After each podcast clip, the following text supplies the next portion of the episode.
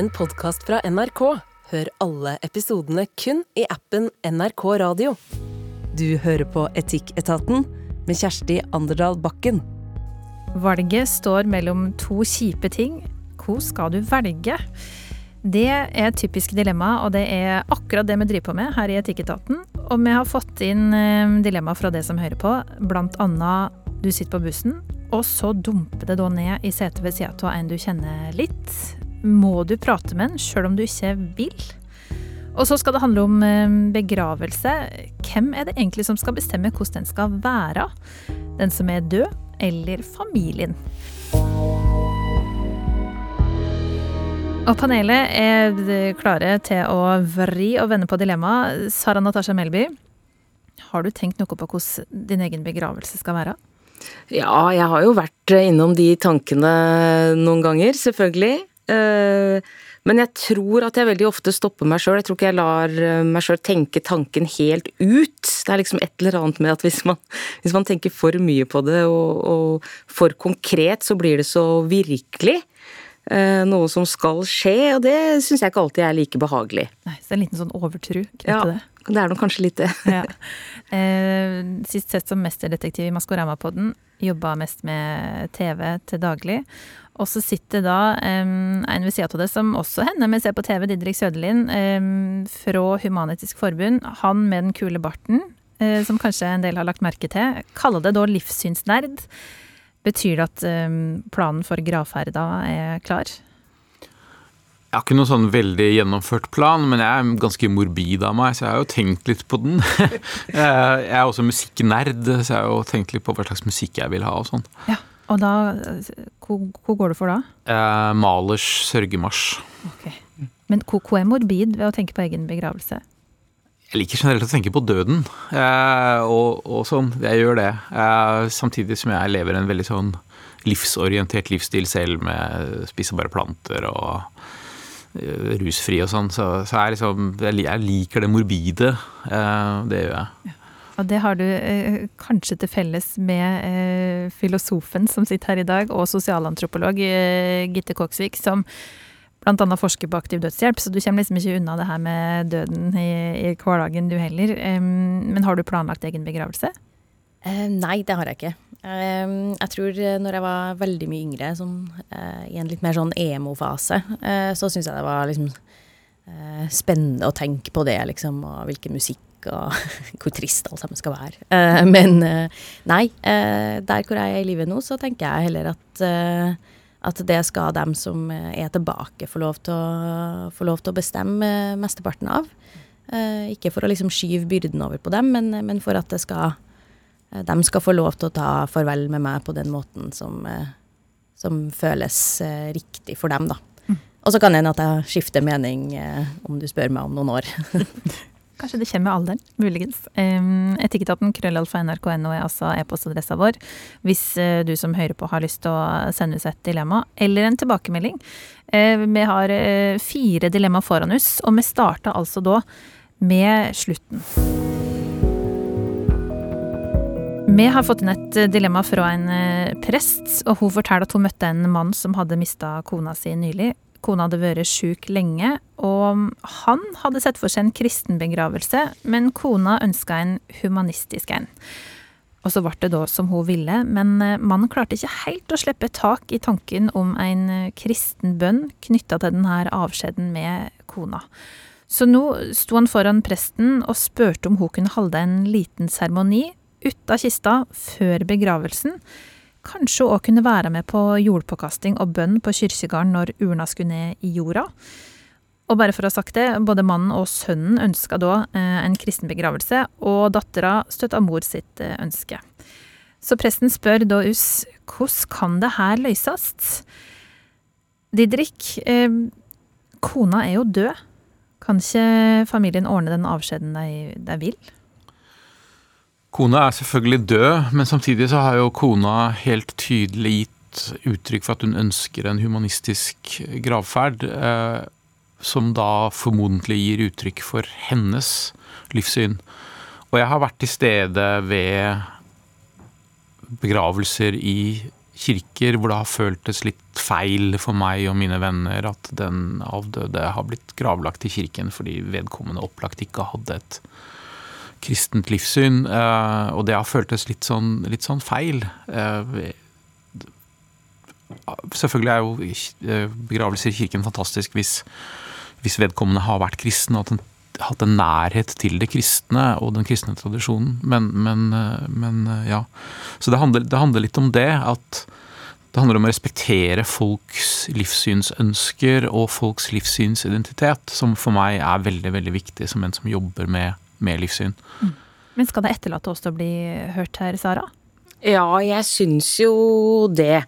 Eh, jeg er helt enig med, med Didrik. Eh, det er den dødes eh, ønsker som må komme først her.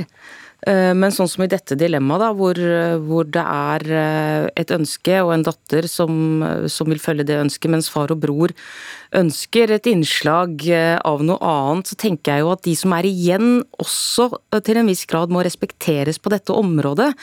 Eh, for det er jo litt sånn som Gitte sa, at de skal ta sitt farvel.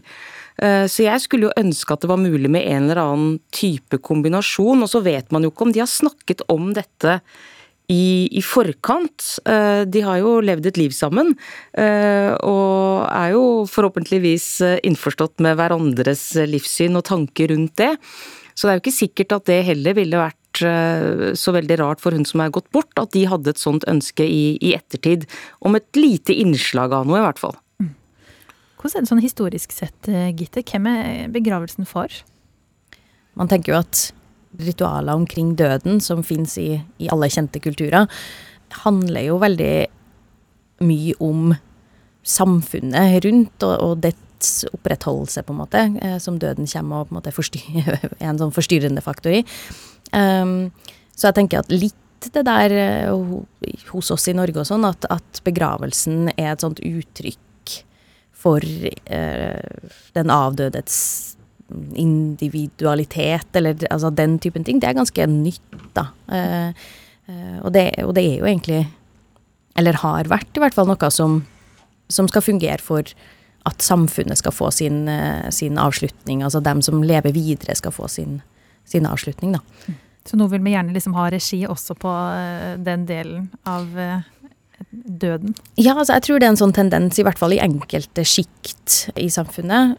Jeg har tidligere forska, i mindre grad i Norge kanskje, da, men på noe som heter eh, uh, death positivity og sånn, litt sånn, uh, sånn sosiale bevegelser, gjerne i, i Nord-Amerika og England, den typen ting. Der er det man veldig på liksom, det å skulle ta regien over sin egen død, og inkludert av begravelse. Um, og det kan unektelig oppleves som veldig sånn veldig fint, eh, sikkert, ikke sant, å kunne være med og sette sitt, sitt preg på det. Eh, og det er også noen gang innramma som en måte å la pårørende, eller dem som er tilbake, da få slippe liksom alt styret med det, og du er midt i sorgen, så skal du plutselig plukke ut liksom blomster og sånne ting. ikke sant? Altså det At du liksom tar fra dem en byrde der, da.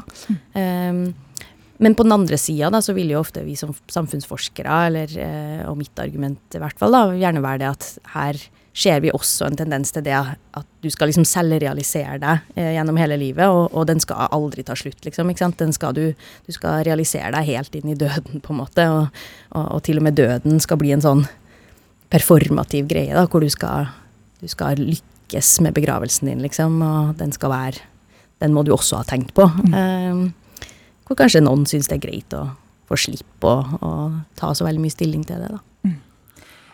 Noe som er eh, litt interessant her, er jo at eh, det som ønskes her, er jo noe som skjer litt utenfor eh, rammen av den gravferden som Human-Etisk Forbund leverer.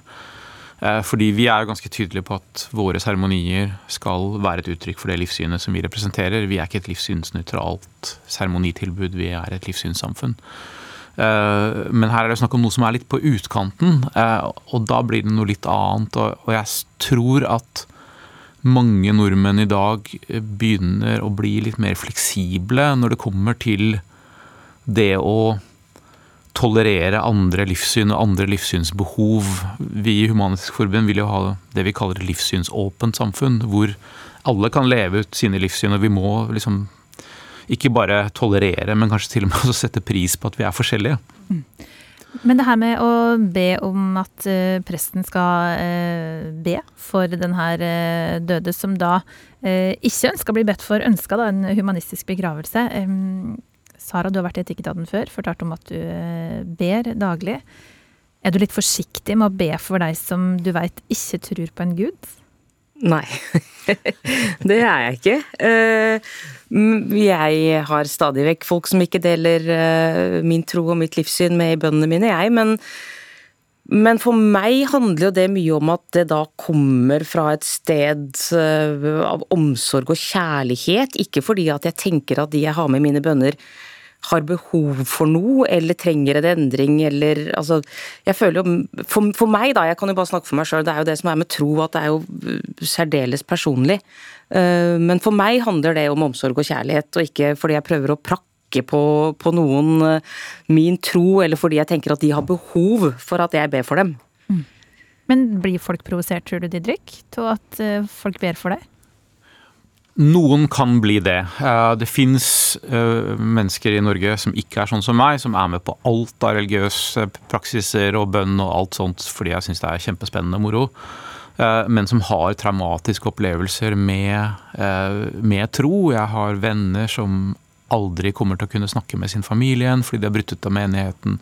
Kjenner folk som har måttet flykte fra landet sitt av religiøse grunner osv. Og, så og det at noen sier, sier til dem at de ber for dem, kan kanskje oppfattes som en krenkelse. Men jeg tror det handler veldig mye om, som Sara er inne på, altså litt hvor det kommer fra.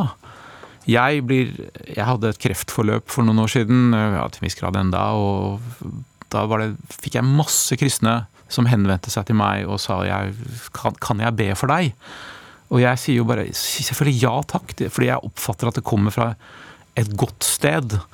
Men det å be for noen på en sånn demonstrasjon Jeg skal be for deg, for du, du er på ville veier. Eh, det kan, det kan føles som et slags åndelig overgrep. Mm. Hvorfor tror du det folk kan bli provosert, eh, Gitte?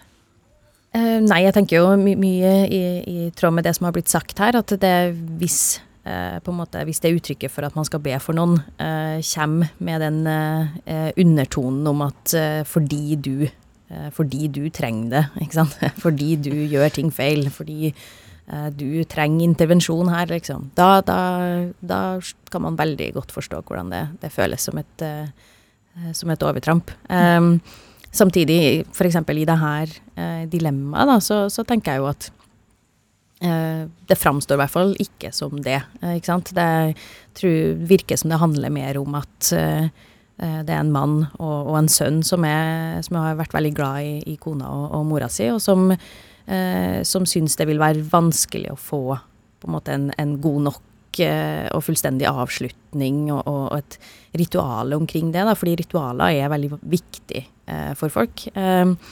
og, hvis de da har en kristen tro, så kan det kanskje føles på en måte litt mangelfullt for dem da, ikke sant, å ta farvel med hun uh, uten noen av, uh, av de ritualene som inkluderer da f.eks. en bønn fra en, fra en prest. Mm. Um, så jeg tenker jo altså der jeg havner ned, blir jo at uh, hennes ønsker om sin egen begravelse må respekteres. Og dem har hun gitt uttrykk for, så da må hun nesten få det. men at kanskje det kunne ha gått an for far og, og, sønn og eventuelt noen andre å ha en, en separat liten seremoni som ikke er begravelsen, i kirka eller med prest, da, hvor de Eh, får eh, får bønn og får den typen avslutning som, som er viktig for dem, da. Mm. Jeg får tenke på det her håpet som ligger i en eh, kristen begravelse. Hvor ligger det i den humanistiske, Didrik? Fordi der er det jo snakk om et etterliv i en kristen begravelse. Ja, men da tar du det jo for gitt at et etterliv er en ubetinget positiv ting. Eh, og det er jo ganske mange troende mennesker som møter etterlivet med en viss grad av angst, for de vet jo ikke hva som skjer. Om de skal opp eller ned, for å si det sånn. Etterlivet for en som tror på reinkarnasjon i en hinduistisk tradisjon, er heller ikke en ubetinget god ting. Målet er jo å bryte reinkarnasjonssyklusen. Eh, så jeg er veldig opptatt av hva som er sant, og selvfølgelig fra hva jeg mener er sant. Og jeg mener det ville være veldig uredelig for en person med mitt livssyn å gi noe håp om noe liv etter døden. For det, det, det, det vet vi egentlig ingenting om.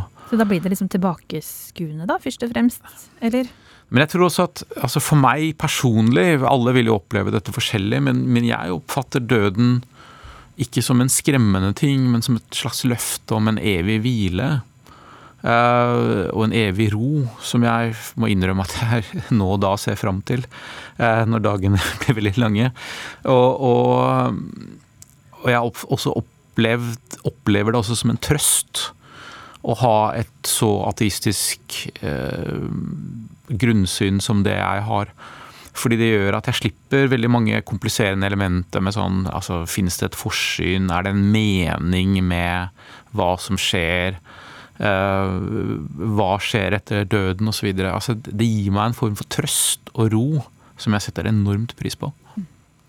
Men altså, det er en prest som stiller ut det her spørsmålet. Hvilke moralske forpliktelser har hun, tenker du, Sara?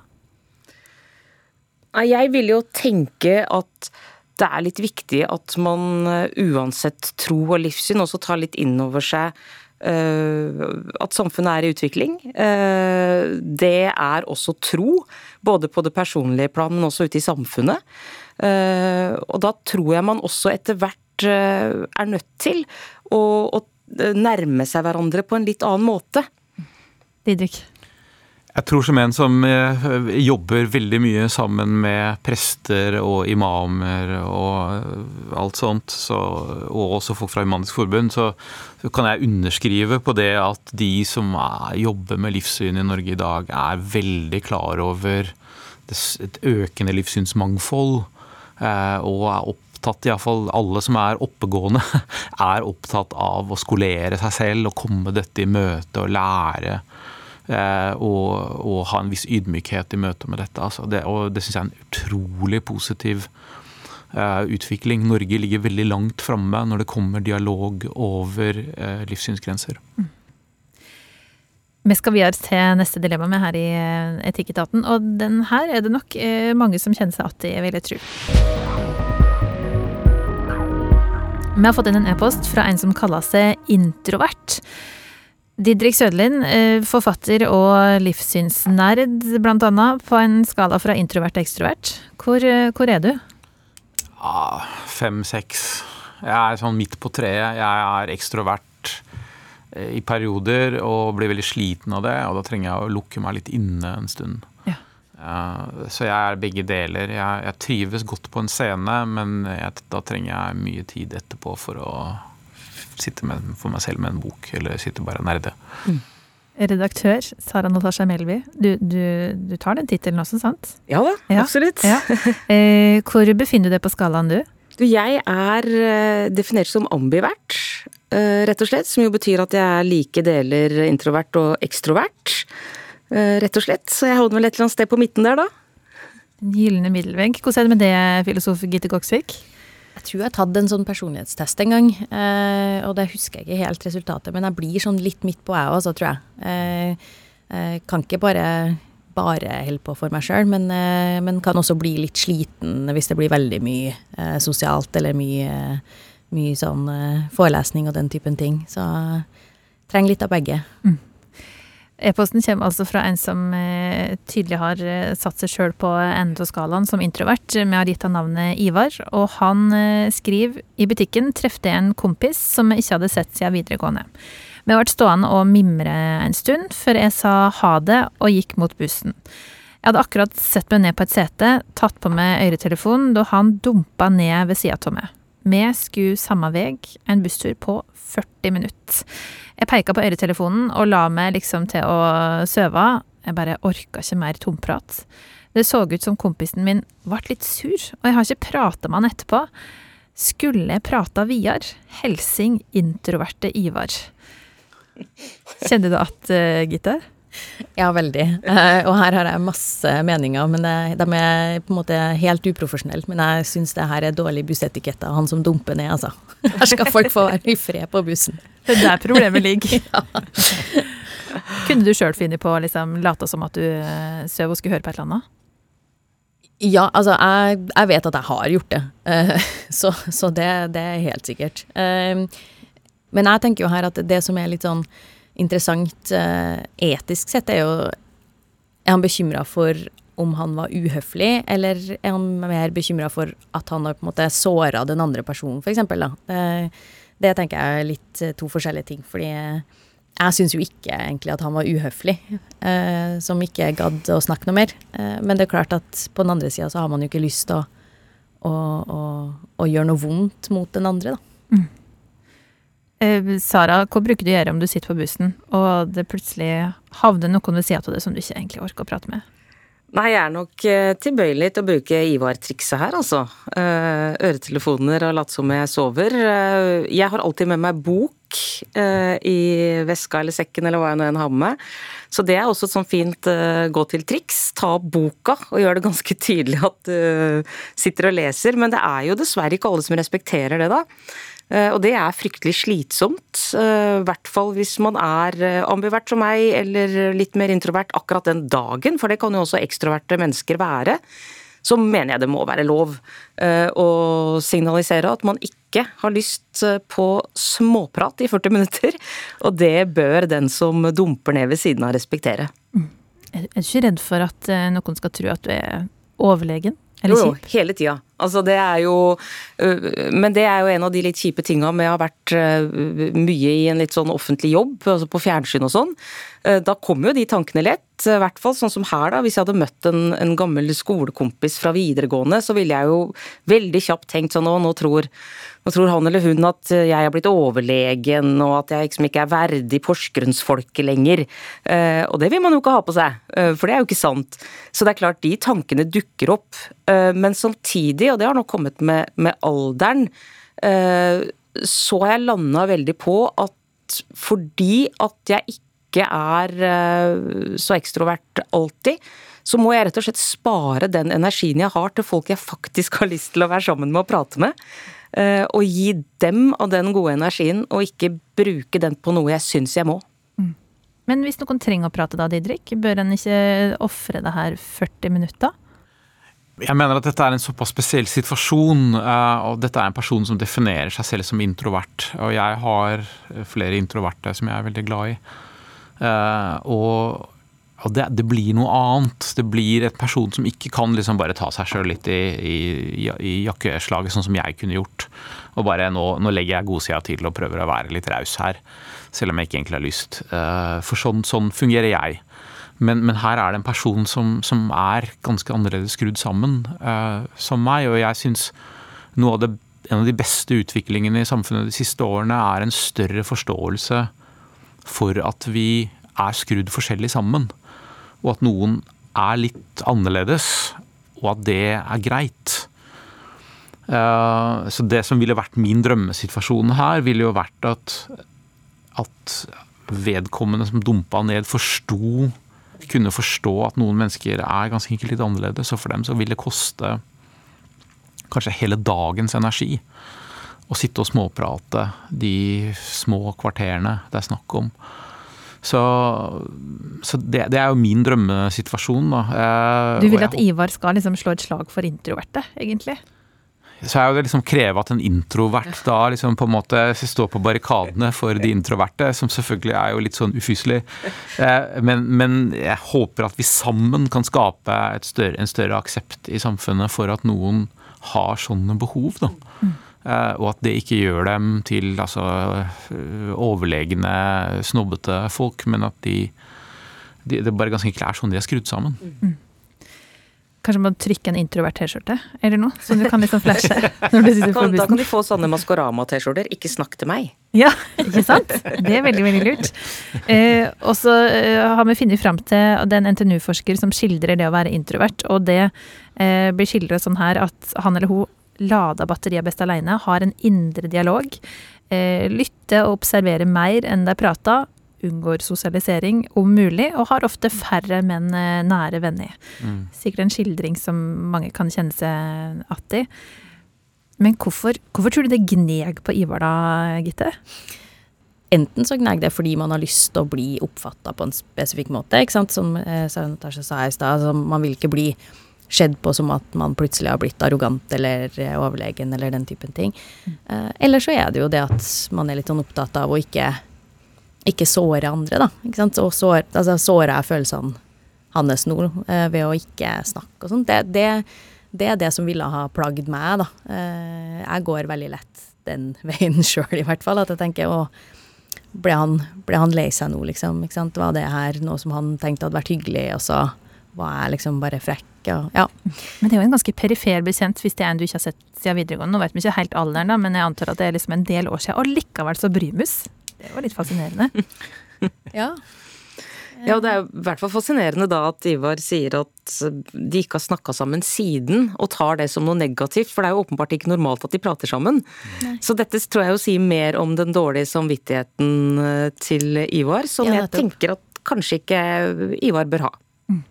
Mm. Og så ser jeg for meg, eh, når den her eh, dumper ned på bussen, så det kan jo være at han også som dumpa ned, tenkte Ai, det her skulle jeg ikke gjort. Og så har de sittet liksom i kor sine tanker og ønska seg vekk fra situasjonen, eh, begge to. Kanskje vi legger litt for masse i vår egen betydning også, Didrik? Eller? Det er jo alltid en fare at man tror at man er universets sentrum og navle og standarden for alt.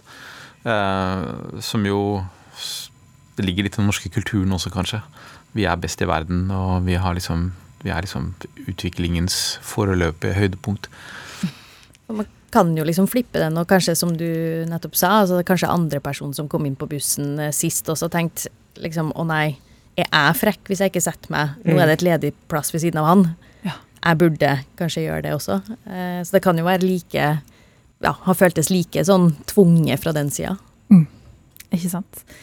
Um, og uh, bare til opplysning, da, så viser en amerikansk undersøkelse at rundt 30 30 og 40 prosentvis er uh, introverte. Så det er mange som ikke vil sitte i de her samtalene her, uh, egentlig. Um, så i en drømmeverden så flagger Ivar at han er introvert, og så blir det akseptert fra den andre parten. Skal vi si det sånn? Ja. Ja, ja. omtrent det. Eh, Etikketaten krøllalfa nrk.no er altså e-postadressa vår hvis eh, du er eller har eh, vært i et dilemma som du vil ha andre sine tanker rundt. Og hvis du kjenner noen som er Ivar, en som trenger råd for å komme seg ut av sånne småpratsituasjoner, så ta gjerne og del episoder. Du finner lenke i appen NRK Radio. Vi har jo da med noen folk i dag som eh, har tenkt mer på de store spørsmåla i livet enn de fleste. Eh, særlig døden for Gitte sin del, eh, iallfall. Med ett et av fagområdene som du forsker på, på som sosialantropolog og filosof på NTNU. Didrik Søderlin, du er engasjert i masse forskjellig eh, som samfunnsdebattant. Og Sara Natasha Melby, eh, det er vel ikke så masse fokus på døden i jobben din som journalist og redaktør, eller? Nei, ikke på den måten i hvert fall. Men du har lagd mange TV-serier om eh, store og viktige spørsmål. Um, og vi har fått en e-post med til Tikketaten, krøllalfa nrk.no, der det står jeg har en venn med en sykdom som gjør at han blir gradvis mer og mer pleietrengende. Om eh, tre år så kommer han trolig til å trenge hjelp for å klare helt grunnleggende ting som å gå på do og løfte hendene. Han vil heller ikke klare å prate, ete eller gjøre noe annet. Han er i slutten av 30-åra og sier han er djupt ulykkelig, ensom og deprimert. Nå har han søkt om aktiv dødshjelp i Sveits, og jeg sliter veldig med å støtte valget, sjøl om jeg veit at han har all rett til å velge over sitt eget liv. Det er jo òg bedre enn at han tar livet sitt på en annen måte, hvis det er alternativet. Så kjære Tikketaten, har dere noen råd til hvordan jeg kan støtte en som ønsker å avslutte livet? Helsing Helle. Gitte, du forsker altså på det her med aktiv dødshjelp. Mm, har det å forske på det gitt deg mer forståelse for at folk eh, avslutter livet på den måten? Ja, altså jeg tror jeg, tror jeg alltid had, har hatt en forståelse for, eh, sånn rent måte, empatisk, eh, for at folk eh, i enkelte situasjoner i livet ønsker at det skal være over. Så blir det jo det andre spørsmålet hvorvidt man syns at Eh, den måten eh, er riktig for samfunnet, da. Eh, det, det, er på en måte et annet spørsmål. Mm. Så du blir ikke automatisk liksom for aktiv dødshjelp av å kunne veldig masse om det?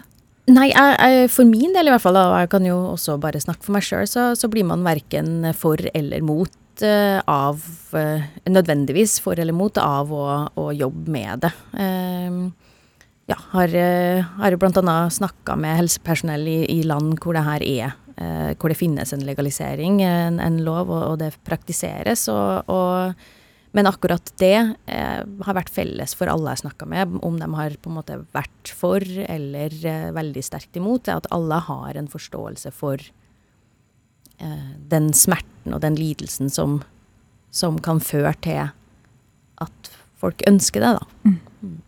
Men hvordan funker det egentlig i praksis, denne aktive dødshjelpa? Det foregår veldig forskjellig i ulike land. Um, og i Sveits, da for som er, aktuelt her, så er det jo ikke kriminelt å hjelpe noen til å ta sitt eget liv dersom man har uh, uselviske motiver. Mm. Um, så der er det uh, det som enkelte da vil kalle legeassistert uh, selvmord, hvor man blir man søker om, eh, om å, å, få det. Og så vil det ofte være egne organisasjoner som har sine egne kriterier på hvem som på en måte da kvalifiserer i gåseøyne. Eh, og så man, eh, blir man vurdert av dem. Eh, og så er det skrevet ut medikamenter av en lege, da, og så får man eh, hjelp til å administrere dem, men man må vel eh, gjøre det sjøl, da. altså svelge en pille, eller Eller trykke trykke på en knapp eventuelt for å få en uh, injeksjon, da. Ja. Mm. Um, så det er en ganske omfattende prosess, da. Det kan jo være litt forenkla i noen debatter. Um, hvordan, hvordan, det foregår? Jeg tror man ofte har et, en tanke om at, uh, om at, det skal være veldig lett ja. Uh, og, og, det alle steder som det finnes, så vidt forskning sier, så er det ikke ikke det, da. Eh, det er ofte veldig byråkratisk. Det er masse papirarbeid, det er søking og evaluering. og eh, noen ganger leger og psykiatere eller psykologer involvert, og det kan ta lang tid. Mm. Didrik, jeg vet at du har nerda litt på det her med aktiv dødshjelp. eh, og nå er ikke spørsmålet her for eller mot, men eh, jeg blir jo litt nysgjerrig. Eh, er du på den ene eller andre sida? Ja, jeg var veldig for dødshjelp da jeg var ung. Eh, og leste sånne bøker som Final Exit og, og, en del sånne veldig tidlige bøker om dette her. Og så ble jeg mer og mer usikker ettersom tiden gikk. Blant annet litt av retorikken fra enkelte dødshjelptilhengere skremte meg over til å bli mer tvilende. Eh, dødshjelp er et av de samfunnsfeltene hvor jeg faktisk er åpen for sånn glidende overgang, sånn slippery slope-argumentasjon. Um, for det er så, såpass alvorlige ting. Um, og det passer meg da veldig bra at Humanistisk Forbund, som en av verdens få humanistorganisasjoner, faktisk ikke har noe standpunkt i denne saken. Vi, er, uh, vi har bevisst valgt å ikke ha noe standpunkt enn så lenge. Alle humanistorganisasjoner ellers pleier å være veldig for. Uh, men, men vi, uh, vi, holder oss tilbake. Um, Helle, som har sendt inn e-post, det er tydeligvis en av deg som er eh, skeptisk til det her. Syns det her er litt moralsk eh, problematisk. Sara, hvordan kan Helle klare å støtte kompisen som gjør noe som hun syns er eh, vanskelig, eller kanskje til og med feil? Ja, jeg må jo først si at jeg syns det er veldig bra at hun vil nettopp det. Liksom helt uavhengig av hvilken holdning man har til det, eller hva man syns om det. Eh, for når spørsmålet er hvordan kan jeg støtte, så tenker jeg det uansett ligger noe godt i det. Eh, og det, dette er jo kjempevanskelig.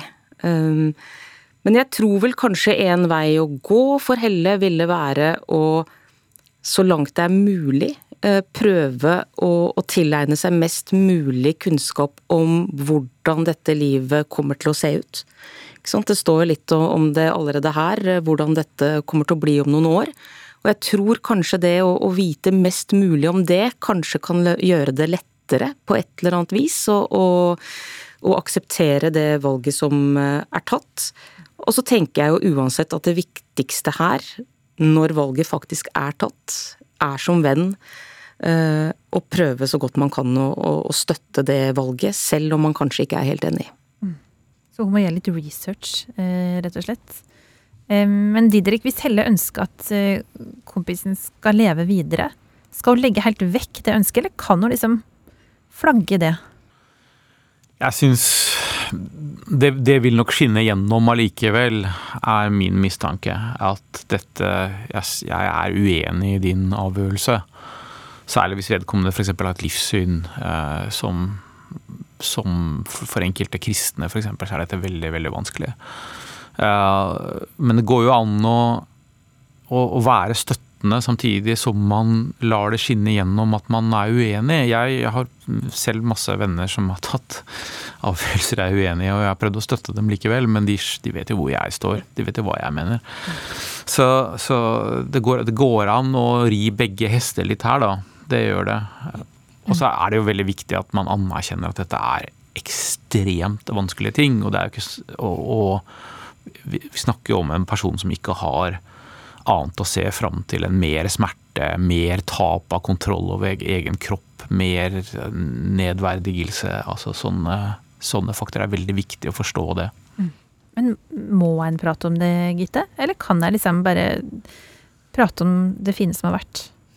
Ja, ikke sant. Altså, vi vet jo ikke på en måte hva slags vennskap de her har. Eh, altså, er det, er det den vennen man pleier å prate om de vanskelige tingene sammen med, eller er det en annen type venn som man pleier å eh, gjøre mer sånn gøyale ting med? ikke sant? Altså, det er ulike typer vennskap. Um, så det kan jo hende at de her to ikke trenger å la det være fokus for mesteparten av, av eh, måte, interaksjonene sine. Jeg er veldig enig med, med, alt det som har blitt sagt uh, her allerede. Uh, man kan støtte selv om man er, er uenig, og hun kan prøve å sette seg inn i og forstå hans situasjon. og så er det jo sånn at nå har han jo Han har søkt. det kan hende han får det, det kan hende at han ikke får det. selv om han har søkt. Og uansett så vil det jo mest sannsynlig ta litt tid, da. Eh, så hun kan jo eh, støtte han og være en venn i, i, det livet som han har igjen, da. Mm. Uansett, det er det jeg tenker. Eh, det står jo her at han Altså, det høres ut som en, en veldig vanskelig sykdomssituasjon, og han er ensom og deprimert, og jeg lurer på om jeg ville ha lagt fokuset mitt der, da, ikke sant. hva kan jeg gjøre for deg som venn nå, på en måte, i det livet som du uansett skal skal leve ferdig, om det skal avsluttes sånn eller sånn. Eh, så vet du hvor jeg står på dette temaet. Jeg syns det er vanskelig. Eh, men jeg skal gjøre mitt, mitt beste på, på, det jeg kan. Men har du også en, et etisk ansvar å finne ut om han gjør det fordi han er redd for å bli en byrde? Man vet at veldig mange eh, forespørsler om, om dødshjelp eh, har, det, har, det, som en av sine hovedmotivasjoner. Eh, frykten for å bli en byrde. Og frykten for eh, dårlig ivaretakelse eh, eller hjelp og behandling og den typen ting. Hvis jeg var hans venn, da, så ville jeg jo kanskje ha sett litt på det. Og, og, og, jeg tenker jo at en av de fine tingene man kan gjøre eh, for en venn, er jo å prøve å bygge opp under det at du ikke er en byrde, eh, og at eh, du har en verdi, og vi setter pris på deg, og jeg, jeg vil måtte være sammen med deg. Eh, og så er det jo ja, hvorvidt det vil ha noe eh, innvirkning på hans ønske eller ikke, mm. usikkert å vite. Mm.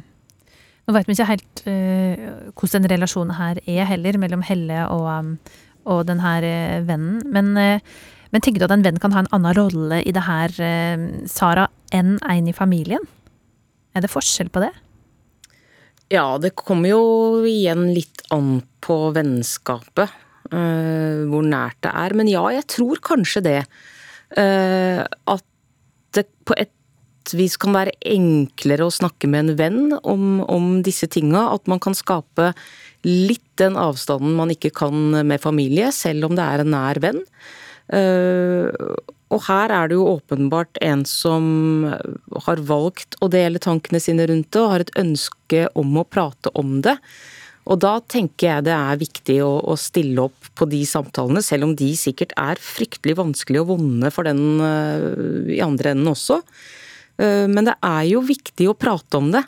Uh, for det er jo gjennom um, dialog og dele tanker og, og følelser rundt vanskelige ting Eh, at man sjøl blir bevisst, ikke sant. Og, og noen ganger eh, endrer vi jo meninger, nettopp gjennom den type samtale.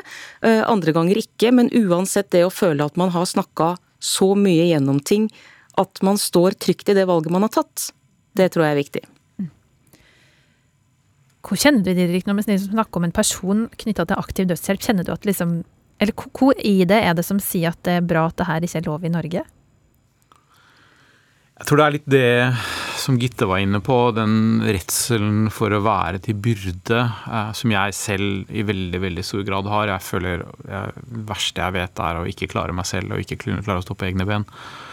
Eh, og det er det jeg er redd for, at vi skal skape Inkludert liksom at eh, noen signaler fra fra regjeringen om at folk må begynne å ta ansvar for sin egen alderdom eh, på en helt annen måte og sånn. Eh, at vi ender i en situasjon hvor aktiv hvor dødshjelp ikke lenger er et valg, men det som Pål Jensen kalte et tvalg. Eh, ikke sant? At liksom sånn Ja, nå er du, nå er du såpass gammel og skrøpelig at eh, nå er det på tide at du sier sjøl at du ikke vil mer.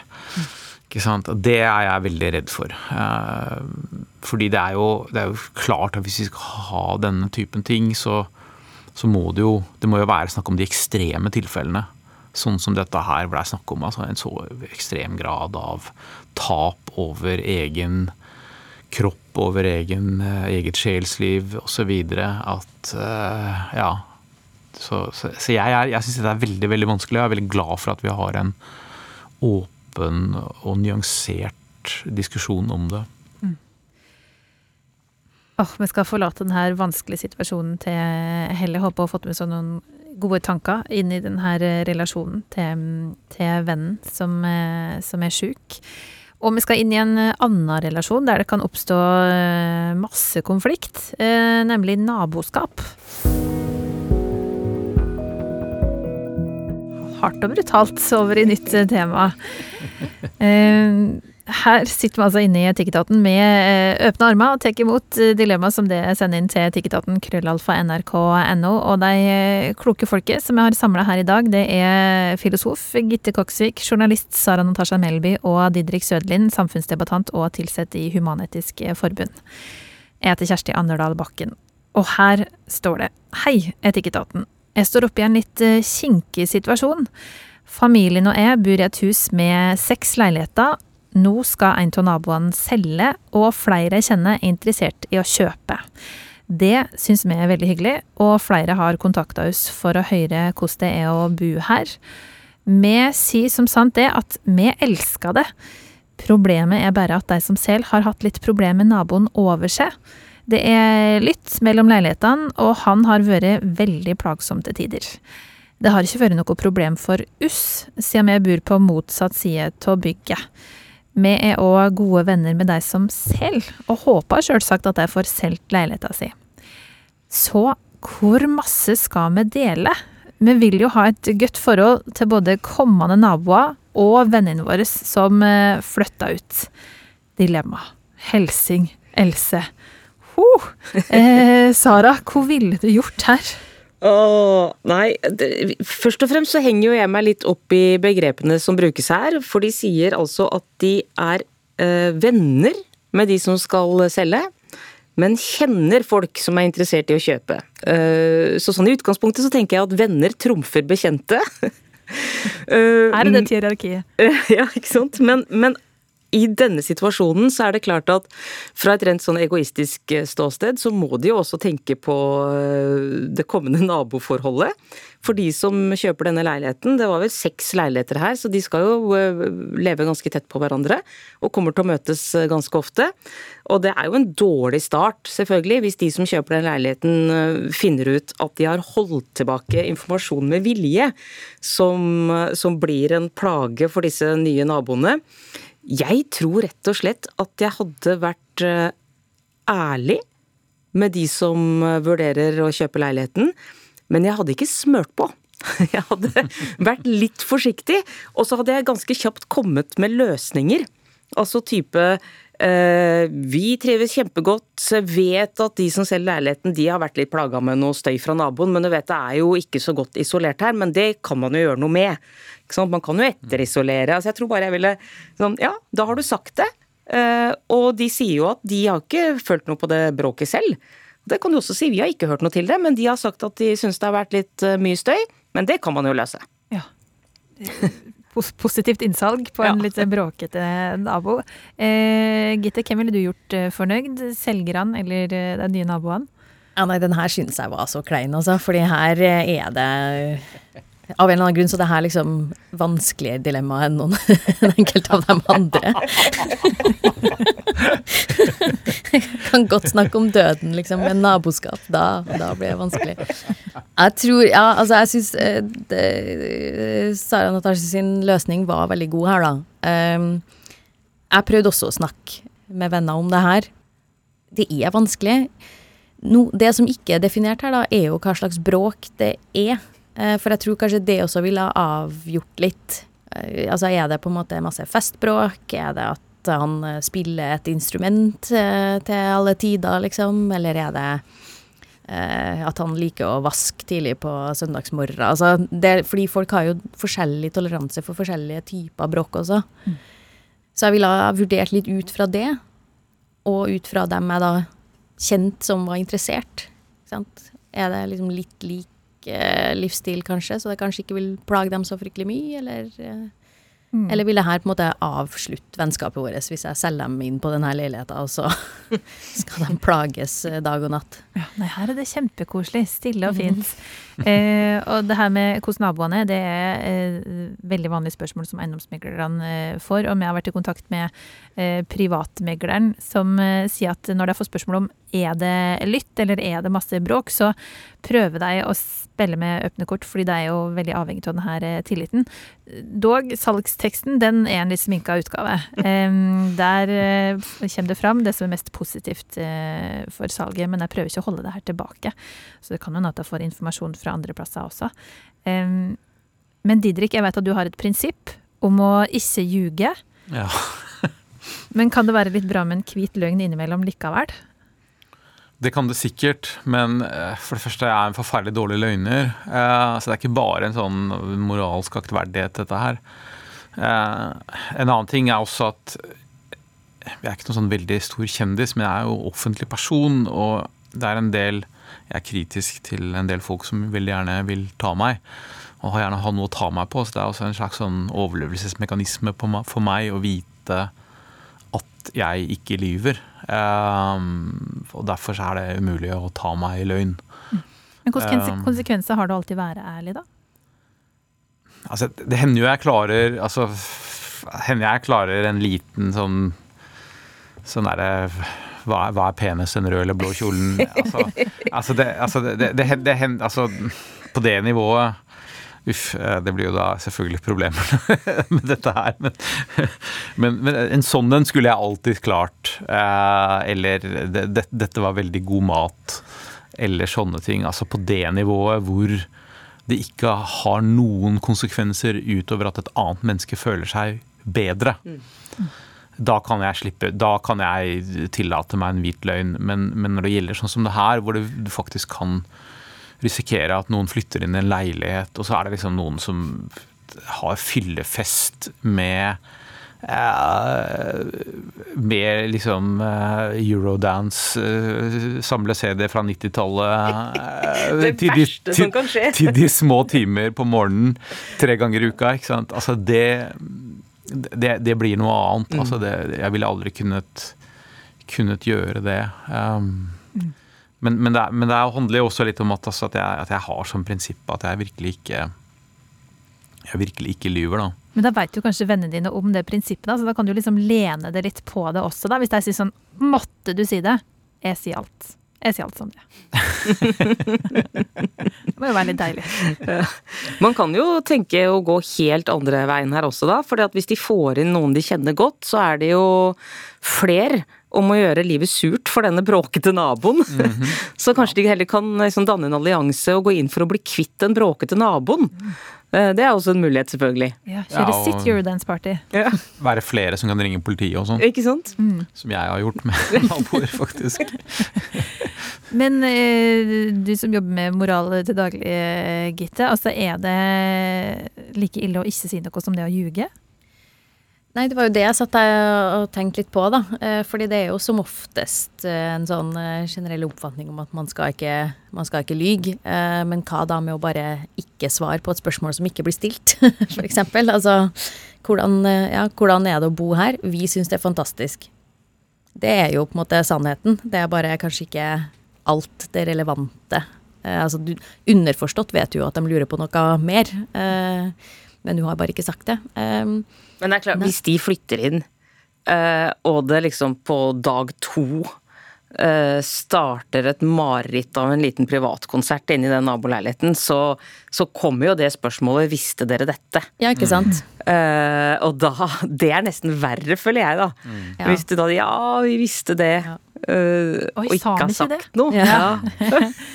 Da må Didrik jobbe med skuespillerferdighetene sine i så fall. Eh, Hæ? Var det, var det sånn den naboen var? Sånn har det ikke vært tidligere. Er Det det må være noe helt nytt, dette her.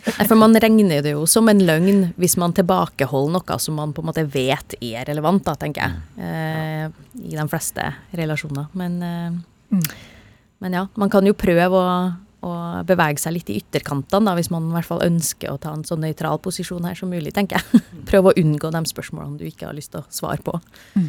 Og en ting som ikke, ikke har vært med som et alternativ her, er jo å, å snakke med disse vennene sine som selger.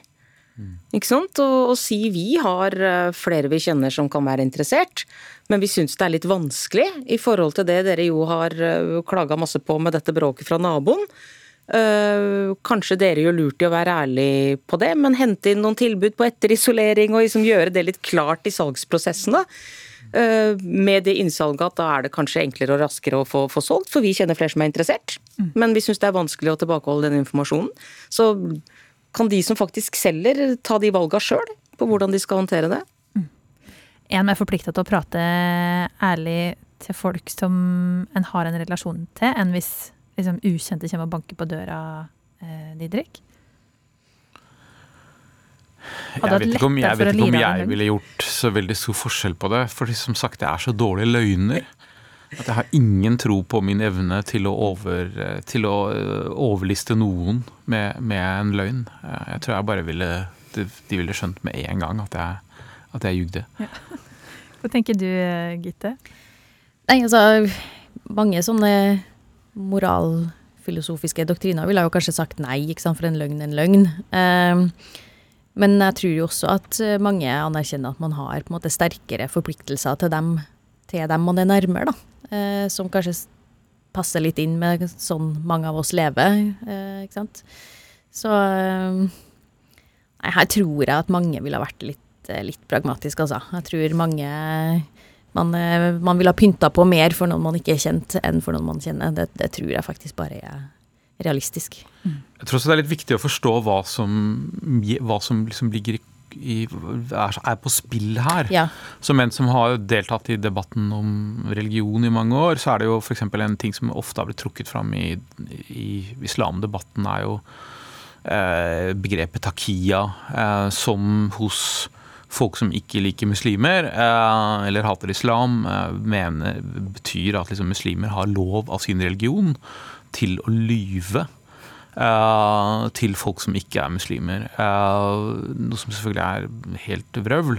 Takia er en regel innen, som opprinnelig oppsto innen shia-islam, som jo er minoriteten i den muslimske verden og ofte har blitt hardt forfulgt av sunni, om at man har lov til å skjule sin religion og lyve om sin religiøse tilhørighet i ekstreme tilfeller. Og det der er det snakk om liksom sånn herre Hvis vi tror du er shia, så dreper vi deg og familien din. Og ved sånne anledninger som det, så ville jeg selvfølgelig ljugd så det rant av meg. Eh, hvis, hvis liksom det sto noen kom liksom på døra og skulle ta, ta, ta livet av en nabo og spørre liksom, er, er naboen bo, Bor han her? Så ville jeg selvfølgelig ljugd. Så det handler, jo, det handler jo om det også, men, men her er det bare snakk om penger. Og, og, og, og boliger, og det er viktige ting det også, men det, er, det, står ikke livet på spill, altså. Um, dilemma det uh, fins tydeligvis i alle faser av livet og i alle relasjoner. Og um, vi får håpe at det ordner seg med det her naboskapet til Else. Um, og så er e-posten vår etikketaten krøllalfa nrk.no hvis du som hører på står i en kinkig situasjon og trenger råd. Uh, vi samla jo da tre ulike folk hvor uke, og i dag var det uh, medie-allrounderen uh, Sara Natasha Melby som satt her, og ved sida av henne livssynsnerden fra Human-Etisk Forbund, Didrik Søderlin. Og så hadde vi også med filosofnerden og sosialantropologen fra NTNU, Gitte Koksvik. Jeg heter Kjersti Anderdal Bakken, og gå gjerne inn i appen NRK Radio hvis hvis du har lyst til å høre flere episoder fra oss, eller om du vil dele denne episoden med en eh, venn. Med høyrest.